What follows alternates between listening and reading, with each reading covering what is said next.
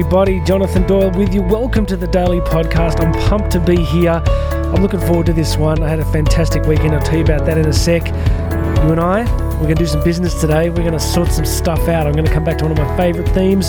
In the meantime, please make sure you have subscribed to this humble little podcast. Hit that subscribe button, share it with some friends, and of course, go and check out that link for a free 30 minute coaching call with me. I've been doing those for people all around the world.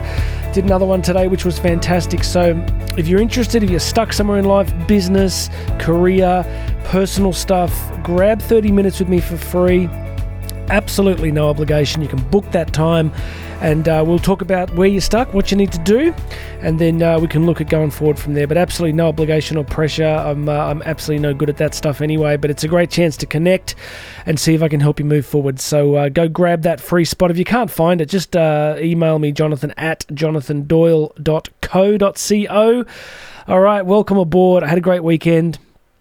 I, uh, I, I I refused to comply. You know what I did? It was like first week back at school, and everybody's got that sad feeling like, oh, it's back at school now, and nine weeks of the term to go. And I'm like, you know what? I ain't gonna play. I ain't playing with that. So I jumped on Airbnb and booked this fantastic house in this remote location on the coast, and said, "Hey, Karen, do you like surprises?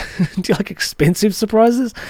And uh, I mean, what wife, what wife could seriously resist her husband going, I just booked a really cool coastal house for us and the kids for the weekend. So we took off, found this amazing place, and had a fantastic time. Spearfishing.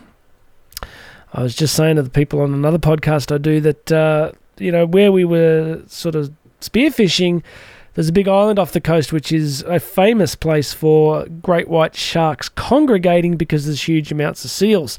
So you can imagine how confident and comfortable I felt in a wetsuit, looking like a very slow seal. Oh boy. My son was like, Don't worry, Dad, we've got the spear. And I'm like, Mate, uh, I love your optimism. love your courage. I don't think that that spear is going to do a lot against uh, against a great white. But we survived. We're here. We're back. I made it back to the studio. But a really great weekend. And, uh, you know, one of my business mentors was saying to me recently just just how much they build relaxation breaks into their life. You know, no matter how much, you know, no matter what your situation is, you can always find some way to rest, replenish, recover. In, in, this busy world we live in, we often fall into the habit of telling ourselves a story. I can't do this. I can't have a break. I can't take out a gym membership. I can't watch this movie or go to the cinema or go and do this thing that's restful and restorative for me. And uh, the truth is that doing these things, taking these breaks, gives us the energy, the uh, the inspiration, the creativity to to press on and keep doing things. Now, today, all I want to talk to you about is a very simple idea, and I just want to say it like this: there is always more, and by that. It's a regular theme for me. My regular listeners know that uh, there's a few big themes that I keep coming back to, and I want to talk about this one. I think that much of the time, we end up in situations where we tell ourselves either consciously or so quickly that we're not conscious of it that this is all we can do that this is as far as we go. This is we're at our limit. We can't do any more. And of course for me these things often come through you know the amount of training that I do the amount of exercise that I do. And so last week you know, I usually aim to do about 400k a week on the bike, and I'm and I'm on the bike. Tuesday rode pretty well. Wednesday felt uh, pretty weary because I hadn't ridden a lot recently. Thursday I get out there, and you know I'm just like, and I'm telling myself this story. And I remember halfway through the ride, I'm talking to one of the guys, and I'm like, oh man, I'm gassed. You know, like I've been. I haven't ridden as much. You know, I've been doing other stuff and traveling, and I've been doing a lot of running and different things. I haven't been riding much, and I was telling this story to him about fatigue. And often when you do that, depending on who you hang around, like they'll they'll reinforce your story, right? They'll be like, "Oh, I hear you, man. I hear. You. I totally get it." You ever be, you ever had that happen to you? You get around somebody who's like, you're telling them your your story. You have a little pity party. You haven't that, you ever had one of those? A pity party? you just start with the self pity, and then the other person chimes in with, "Oh, you think you've got it bad." Next thing you know, you're all uh, having a pity party. So you know, the ride goes on, and we've got this one guy that rides with us who's an absolute, just a, just a giant. Like, he's an incredibly strong rider, races professionally overseas, and we're getting towards the end of the ride, and it's normally a pretty social ride. And this guy starts behaving badly. I'm going to just put it out there, but behaving badly is how I describe it. Like breaking etiquette and just riding faster and faster and faster, and everybody's like, "Uh oh, this is about to go sideways." But you know what? I, at that moment, I was like, oh, this is hard. This is this. This is that. And then once it kicked off, I'm like, there's something in me that's like, uh huh. Yeah, I'm like, oh, it's on. And I lit up. And for the next sort of 10, 15 minutes of this ride, and that's a pretty long time, like my max heart rate theoretically at this age should be 170.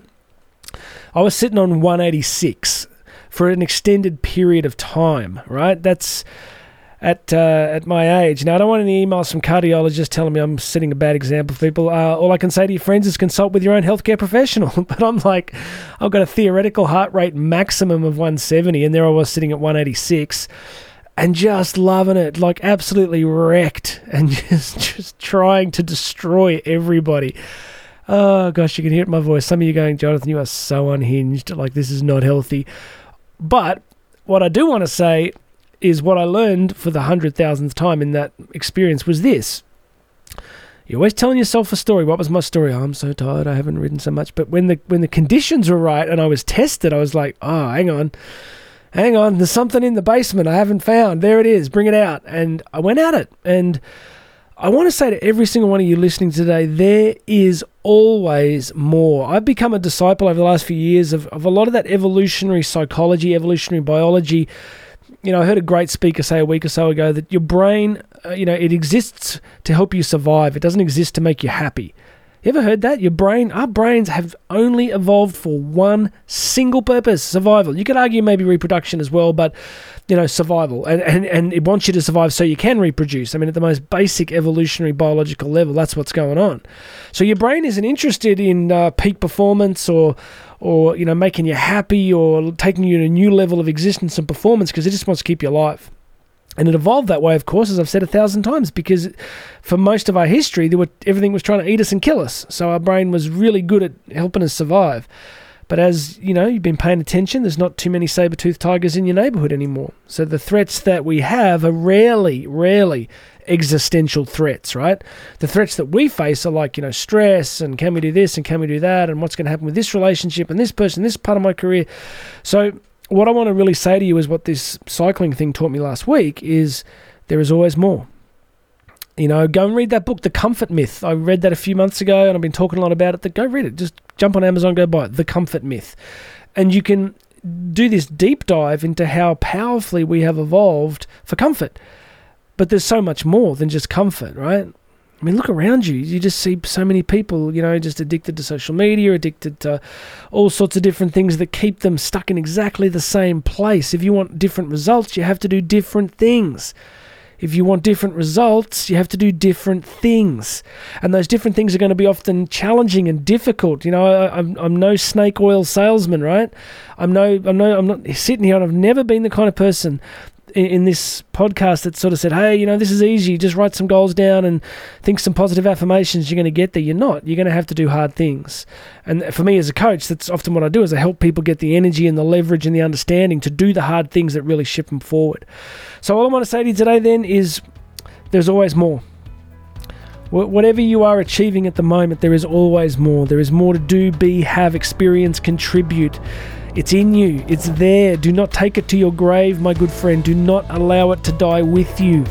Bring that stuff out while you have time. You know, my time down the coast, I was just looking at my kids, and it's a beautiful season for us, but I'm like, wow, uh, you know, there's only so many years left.